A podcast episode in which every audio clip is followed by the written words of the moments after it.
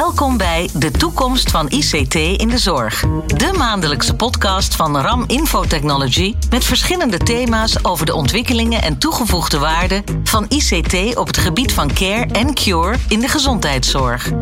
Fijn dat je luistert naar de podcast De Toekomst van ICT in de Zorg. Vandaag gaan we praten over wat we zien gebeuren in de techniek. Wat zijn de laatste ontwikkelingen en waar gaan we naartoe? Ik ben Martine Howard en vandaag hebben we twee sprekers, namelijk Joris Weerts, manager Public Cloud Projects, en Wouter Levenbach, directeur projecten en innovatie, beide bij RAM IT. Op de hoogte blijven van ICT-innovaties in de zorg? Luister elke maand naar de podcast van RAM Infotechnology, de toekomst van ICT in de zorg. Heren, van harte welkom. Fijn dat jullie er zijn. Dankjewel. Ja, we gaan natuurlijk uh, met elkaar in gesprek over wat de ontwikkelingen zijn in de techniek. Wat zien we nu allemaal gebeuren en waar gaan we naartoe in de toekomst? Maar eerst eventjes om jullie beter te leren kennen. Uh, Joris, jij bent uh, manager Public Cloud Projects. Dat doe je nu een paar jaar. Kun je wat meer vertellen over jouw functie? Wat houdt dat dan precies in?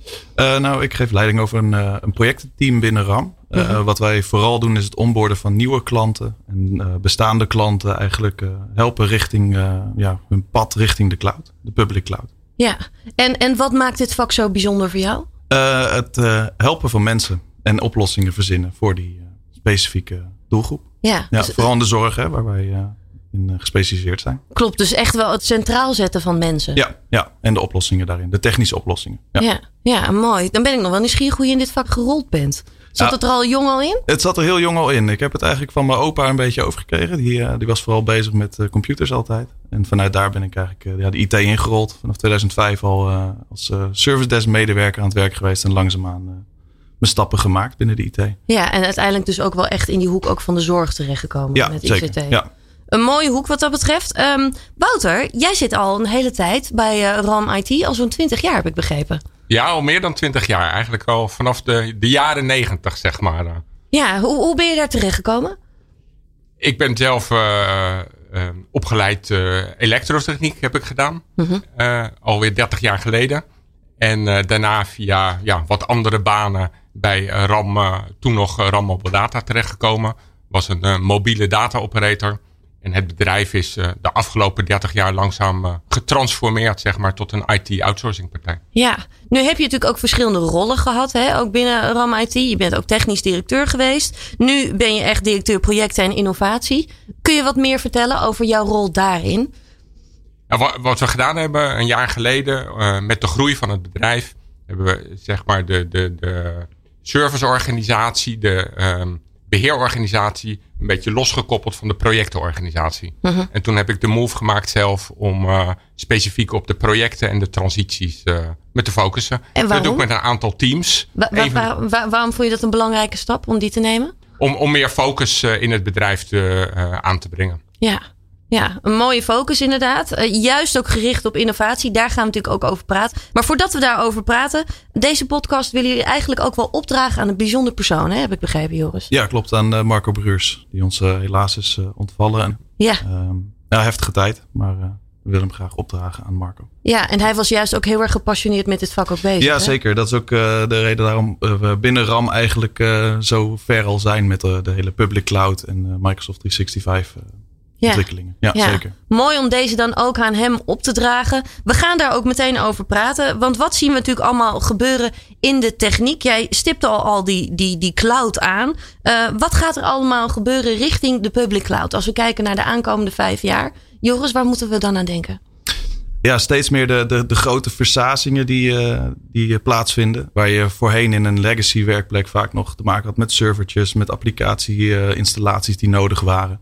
Daar zie je een hele grote move naar de versazing van deze wereld. En Mhm. daarnaast ook de, de move ja, van het infrastructure as a service naar meer platform as a service. Ja, Dus ja, je hebt eigenlijk steeds minder uh, ja, te beheren eigenlijk. Er wordt steeds meer uh, overgenomen al door diensten van Microsoft. Producten eigenlijk van Microsoft. En daar sluit onze dienstverlening denk ik uh, perfect op aan. ja, steeds meer mensen werken ook echt in de cloud. Hè? Wat zijn de voordelen daarvan? De flexibiliteit Mhm. en het uh, beheer qua uh, kosten, zeker. Je krijgt je kosten steeds, meer, uh, steeds beter inzichtelijk. Je Ja. kan ook veel meer een forecasting doen op je kosten. uh, ten opzichte van de traditionele datacenterdiensten. Ja. Ja. Ja, Wouter, hoe, hoe ervaar jij dat? Staan mensen daar ook gewoon tegenwoordig wel heel erg voor open om in de cloud te werken? Of zit daar ook nog een soort een, nou ja, een terughoudendheid in? Er, is wel een terughoudendheid uh, bij klanten. Want je, je levert toch je data aan een, een grote hyperscaler of aan een derde partij. En er is een soort emotioneel gevoel. Als ik zelf op mijn data zit, dan is het, is het beter beveiligd. Of uh, heb ik het meer in de hand. Maar dat verandert wel langzamerhand. Want de, de, de, grote cloud providers hebben hun security best wel goed voor elkaar. Nou, zullen we straks ook wel iets meer over vertellen. Wat wij daar dan als service provider nog extra aan kunnen toevoegen. Ja. Maar het is wel een tendens dat het naar de cloud gaat allemaal. Ja. ja. Maar je ziet, je ziet nog steeds wel de, de hybride cloud. Hè? En dat vind ik niet sowieso voor de aankomende aantal jaren. Dat de hybride cloud toch nog wel een grote speler blijft. Dat ja, eigenlijk de cloud bestaat niet. De cloud is eigenlijk een manier van denken. Het is een mm. beetje wat Joris net al zei. Mm. Het gaat over uh, flexibiliteit, uh, betalen voor wat je gebruikt, uh, schaalbaarheid. dat is de cloud gedachte.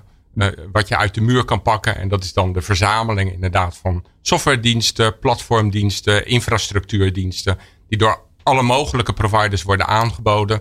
Ja, en wat de kunst een beetje is voor de eindgebruikers is, ja, wat moet ik nou kiezen daarvan? Ja. Hoe, hoe pak ik het beste uit elk van die cloud technologieën? Ja, en, en, wat past het, bij, het beste bij ons bedrijf? Klopt. Ja. Daar ligt natuurlijk altijd een uitdaging. Nou, daar hopen we mensen ook nog weer wat misschien ook wat verder mee te helpen. Ook weer met deze podcast. Um, als je dan kijkt hè, naar de voordelen. Je noemde een aantal op uh, zojuist, Joris. Wat kunnen ook de nadelen zijn van het werken met de cloud? Uh, de kosten. uh, als je de verkeerde keuzes maakt, kan de, de kosten kunnen echt de pan uit gaan, gaan reizen. Um, ja, wat je ziet is dat er is een tendens dat iedereen naar de public cloud wil. Um, maar het betekent niet automatisch dat je legacy eigenlijk omgeving automatisch al toepasbaar is op de public cloud. Dus je kan niet in één keer één op één de move maken. Kan wel, ja. maar dat betekent niet automatisch dat de kosten omlaag gaan. Meestal zorgt het ervoor dat de kosten juist omhoog gaan. Omdat je eigenlijk nog op een soort van oude manier denkt over de manier waarop ja, IT eigenlijk in elkaar zit. Ja, dus dat is een goed iets om goed in de gaten te houden. Is zeker, ja. ja, ja. En daar, daar voegen wij denk ik onze toegevoegde waarde in. Uh, de adviezen die wij uitbrengen. En uh, daarom kijken we altijd eerst naar de oude omgeving. Hoe zit het nu in elkaar? En hoe kunnen we nou die move maken naar de public cloud?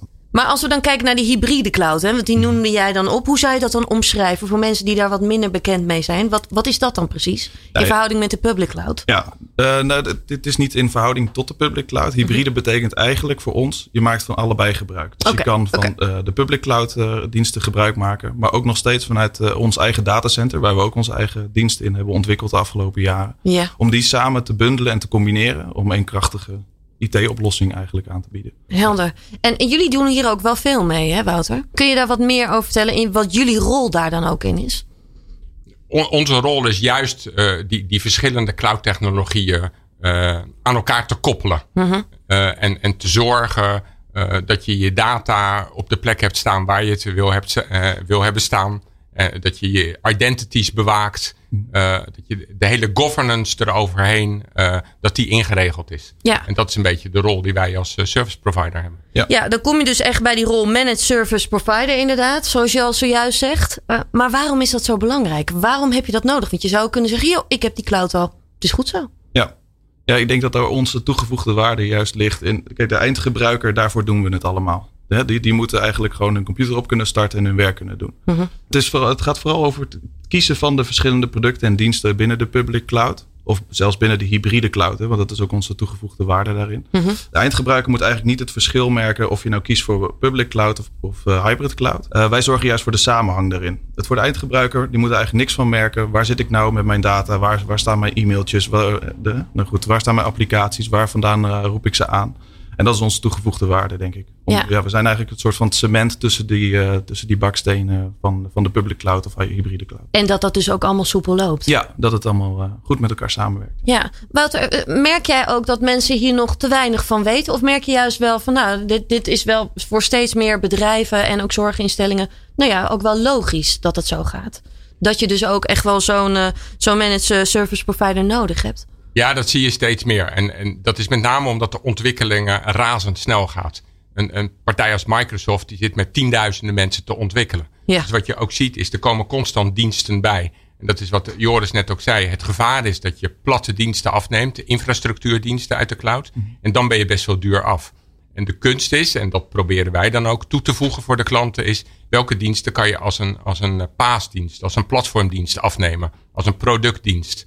En dan is het veel goedkoper en vaak ook beter. Ja, en een stuk overzichtelijker ook, als ik het zo hoor. Nou, het overzicht, dat is nog wel een kunst apart. Dus uh, daar, daar, zijn wij zelf ook volop mee bezig om dat overzicht te bewaren. Ja. Want de wereld is uh, enorm groot en het aantal mogelijkheden is, is legio. Uh, alleen al bij Microsoft. Maar daarnaast hebben we natuurlijk nog Google en we hebben Amazon en we hebben de Oracle Cloud. En er zijn allerlei, wat we dan noemen, hyperscalers die een scala aan producten aanbieden. En dan moet je mhm. denken aan honderden, misschien wel duizenden producten waar je uit kan kiezen. Allerlei licentiemodellen die je kan kiezen.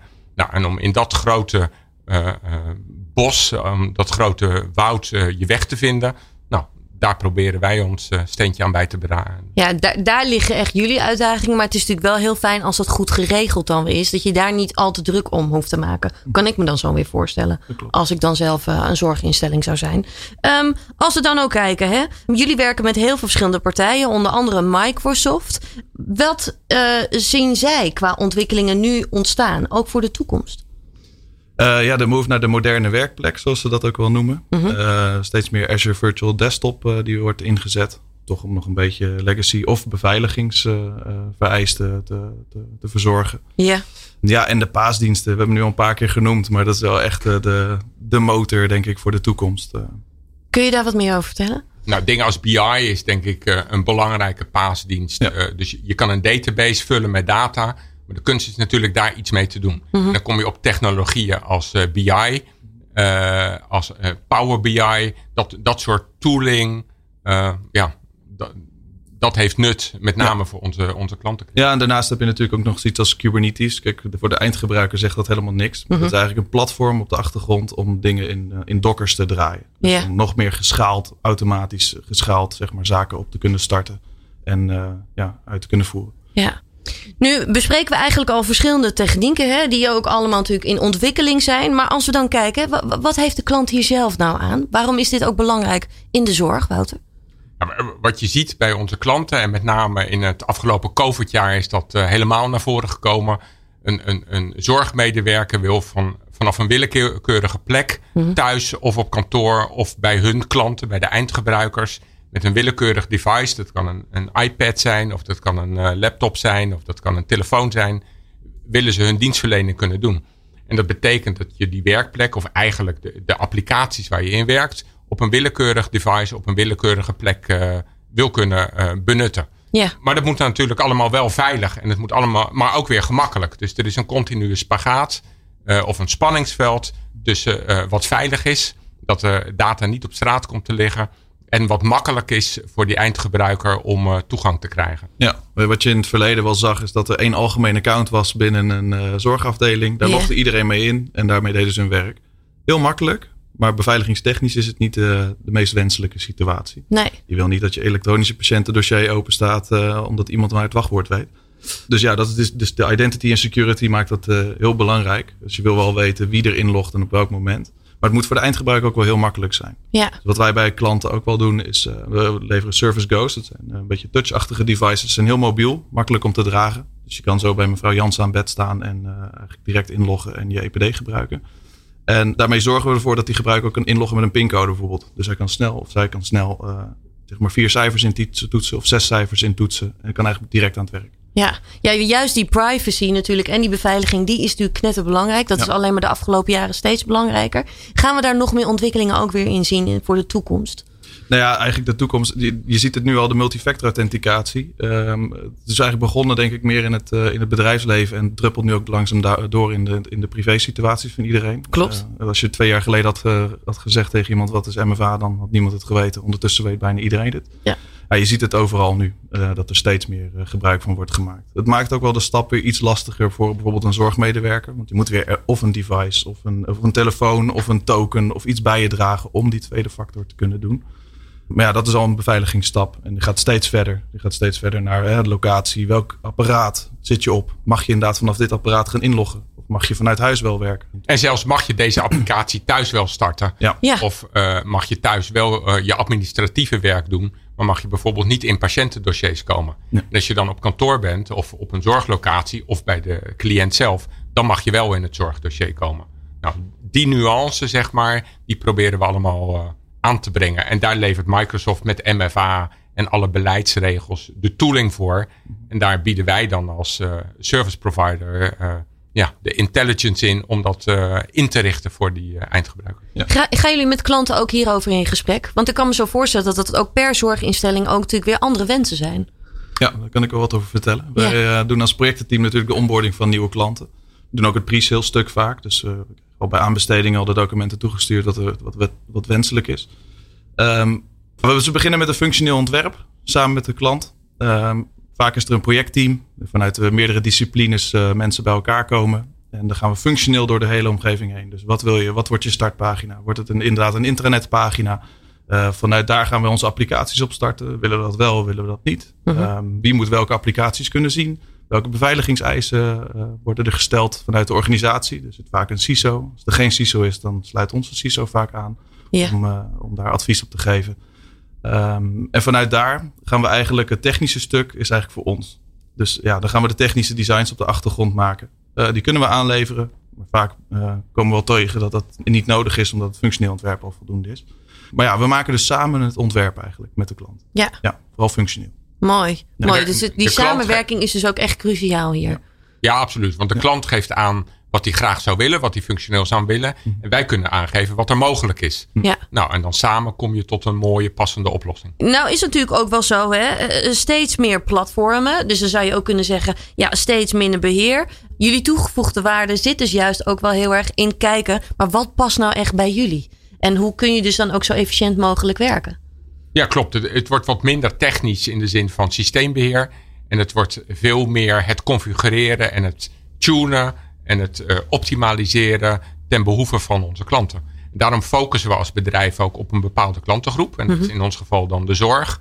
Zodat, uh, omdat we daar de processen uh, langzamerhand wel kennen. Ieder bedrijf is uniek. Maar in de zorg zie je toch wel een gemeenschappelijke factor. En die kunnen we meenemen van het ene project naar het andere project. Ja, ja. ja. dus daar ook hierin kun je weer echt ook wel gewoon de klant, maar ook heel erg de mens ook weer centraal zetten. Zodat het ook gewoon allemaal echt ja, goed op elkaar aansluit. Ja, ja wat ik eerder al zei, hè, de eindgebruiker moet eigenlijk niks van merken. En uh, je, je, kan uit alle verschillende uh, clouddiensten kan je heel veel verschillende producten kiezen. Mm -hmm. Maar hoe laat je met elkaar samenwerken? Ja. Ja, ja. je kan die selectie wel maken van nou, ik wil een, een database in de cloud. Maar ja, wat heb je daaraan? Want je moet, het moet ook wel aansluiten op je applicatie. En het moet de, de customer journey, zeg maar, dus de eindgebruiker, het pad daar naartoe, ja, die ligt er niet standaard. Dat Klopt. is niet als je Microsoft belt, ik wil een, uh, een SQL database hebben, dat zij dat pad voor je gaan maken. Nee, dat is meer waar wij dan. eh, Helder. Wouter, jullie doen ook natuurlijk veel op het gebied van provisioning en self-service. Kun jij eerst even uitleggen, wat is provisioning precies? Provisioning is feitelijk het automatiseren van het uh, in dienst treden van medewerkers en het uitdienst gaan van medewerkers. En dat wil zeggen, vroeger uh, als je in dienst kwam bij een bedrijf, moest je langs de IT-afdeling om een, een, wachtwoord te krijgen en om een uh, account te krijgen en om een laptop te krijgen. Mm -hmm. En wat je met provisioning kan doen, is dat je geautomatiseerd een koppeling maakt vanuit het HR-systeem, systeem als AVAS en Balfour. Uh, feitelijk meld je je als nieuwe medewerker bij personeelszaken. daar word je geregistreerd in het HR-systeem en helemaal geautomatiseerd. En dat is dan provisioning. Worden jouw rollen en jouw rechten doorgevoerd naar de achterliggende systemen. Dus op het moment dat je naar je werkplek loopt, als je bij personeelszaken vandaan komt, dan heb je een e-mailadres gekregen, heb je een account gekregen, heb je de applicaties gekregen waar je recht op hebt, uh, et cetera. Ja. En hetzelfde natuurlijk weer als je uit dienst gaat. Je gaat langs personeelszaken, uh, jouw account wordt uh, stopgezet of, of weggehaald. En geautomatiseerd word je ook uit alle systemen worden jouw rechten weggehaald. En als we dan kijken, self-service wordt naar provisioning ingezet. Hoe, hoe, werkt dat precies, Joris? Nou, de provisioning zorgt in ieder geval voor de, de on- en offboarding van de medewerkers. Uh, trouwens, wat we denk ik nog hebben gemist is als iemand bijvoorbeeld een promotie maakt of naar een andere functie doorgroeit, uh, kan je ook met provisioning verder inregelen. Want uh, ja, we, we, lezen eigenlijk uit, uit vanuit het HRM-systeem. Dus als Ja. daar een wijziging wordt doorgevoerd, dan kunnen we daar automatische flows in, in aanmaken. Maar ja, provisioning vang, vangt niet alles af. Hm. Um, het kan zijn dat iemand uh, tijdelijk recht heeft tot een bepaalde werkgroep of uh, projectengroep. Um, nou goed, dat, daar vult uh, self-service zich mooi in aan. de medewerker kan eigenlijk zelf zijn rechten aanvragen. Dus ik heb nu eventjes tijdelijk, we zijn bezig met het project voor nieuwe demotica binnen, binnen onze zorgorganisatie. Ik wil daar graag recht op hebben. die gebruiker die vult eigenlijk alleen het formuliertje in van ik heb die rechten nodig. En eigenlijk op de, op de achtergrond komt er een geautomatiseerd proces wat gestart wordt. Om die rechten toe te kennen. Ja. Met een workflow. Dus met akkoord vanuit de manager of vanuit de projectleider, vanuit die werkgroep. En automatisch worden die rechten eigenlijk toegekend. En, en de voordelen hiervan? Wat, wat, zou, wat zou echt een groot voordeel hiervan zijn? Efficiëntie. Ja, en, ja. Het, uh, ja, en het foutgevoeligheid. Hè? Dus als iemand iets via een normale melding aanvraagt, vraagt recht aan voor een project goed demo demotica. En er worden verkeerde rechten toegekend. Ja, dat wil je niet. Alles is vastgelegd, uh, Ja, zodat sowieso. je je auditing ook voor elkaar hebt. Zodat je uh, aan kan tonen wie wat mag. Ja. En, Ja. en al je IT-processen kan je eigenlijk verder gaan automatiseren. Ja. Ehm, Wouter, we, we hebben al veel verschillende dingen besproken. Waar kijk jij nou ook het meeste naar uit, zeg maar, als je dan al deze ontwikkelingen ziet? Ja, dat, dat het steeds doorgaat, dat de ontwikkeling snel gaat. Als je, als je tien jaar geleden, ik loop al ietsje, ietsje langer mee in de IT. En wat je ziet is dat ontwikkelingen elkaar steeds sneller opvolgen. En ja, dat is gewoon uh, waanzinnig interessant om dat te volgen. En daar de juiste dingen uit te kunnen pakken uh, en aan te kunnen bieden aan, uh, aan onze klanten. Ja, het blijft heel dynamisch dan ook wel, hè, je vak. Absoluut. Als ik het dan zo staat hoor. niet stil. Ja. Nee. Nou zien we natuurlijk echt wel steeds meer technologie in de zorg. Hè. Dat neemt dus ook alleen maar steeds meer toe. Ook dat staat niet stil. Waaronder ook uh, domotica. Wa wat is jullie rol in domotica? Wij zijn, met name uh, een leverancier van de, van de infrastructuur voor domotica. Mm -hmm. om, om domotica te kunnen toepassen. En domotica dat, dat, dat gaat van thuis uh, metingen doen, uh, bloeddrukmetingen doen en die doorgeven aan het ziekenhuis. Of je, je suikerspiegel of je, je suikergehalte voor mensen met diabetes thuis meten. Um, en, en, en dat doorgeven. Maar dat is ook in de zorginstellingen waar wij werken. Camerabeelden uh, worden veel gebruikt. Zodat je feitelijk met minder personeel uh, hetzelfde werk kan doen. Ja. Nou, die camerabeelden die hebben een goed wifi-netwerk nodig. Een uh, wireless netwerk. Nou, dat, dat verzorgen wij. dat er een goed lopend wifi-netwerk is. Ook hier is privacy dan natuurlijk ook wel weer heel erg belangrijk. Ook weer, hè? Absoluut. Privacy is altijd superbelangrijk in, de, in de zorg. Want je wil niet dat die beelden op straat komen te liggen. Nee, nou, nou vroeg ik die, uh, of ik stelde die vraag zojuist ook aan Wouter. Joris, ik ben ook wel nieuwsgierig. Waar, waar kijk jij ook wel heel erg naar uit voor de toekomst? Als je kijkt naar al deze ontwikkelingen. Ja, ik, ik ben heel erg van de techniek. Dus uh, ik, ik, zie alles, er, alles wat eraan zit te komen. Zeker qua artificial intelligence. Uh, nog, ja, dat wordt, dat wordt mega. Dat wordt echt heel leuk. En het verder automatiseren van, uh, van zaken. Je hebt nu Power Automate in, uh, in uh, Microsoft 365 suite zitten eigenlijk. Ja. Um, en de Power Apps. Um, het verder door automatiseren van zaken. Um, ik kan bijvoorbeeld voorstellen dat er een aanvraag wordt gedaan op een bepaald formuliertje. Er wordt een export gemaakt via Excel. Dat staat ergens in Teams. met dat Power Automate kun je bijvoorbeeld automatisch die map constant uitlezen. Stel dat het bestandje er staat, wordt die automatisch opgepakt en eigenlijk in het proces opgenomen en, en verwerkt. Ja. En dat is al een klein stukje van, van Power Automate. En eigenlijk ook een soort van artificial intelligence. Maar ja, dat lijkt me heel mooi om daar verder in, in te gaan. Helder. Heren, we hebben heel veel met elkaar besproken. Allemaal mooie ontwikkelingen. Uh, ik wil jullie enorm bedanken voor het delen van jullie kennis. En ik uh, wil jou bedanken voor het luisteren naar deze podcast. De toekomst van ICT in de zorg. En heel graag tot de volgende keer. Dit was de toekomst van ICT in de zorg. Een podcast van RAM Infotechnology, de cloud service partner voor zorgorganisaties. Bezoek voor meer informatie over ICT in de zorg onze website ram-it.nl. Volgende maand is er weer een aflevering van De toekomst van ICT in de zorg. Graag tot dan.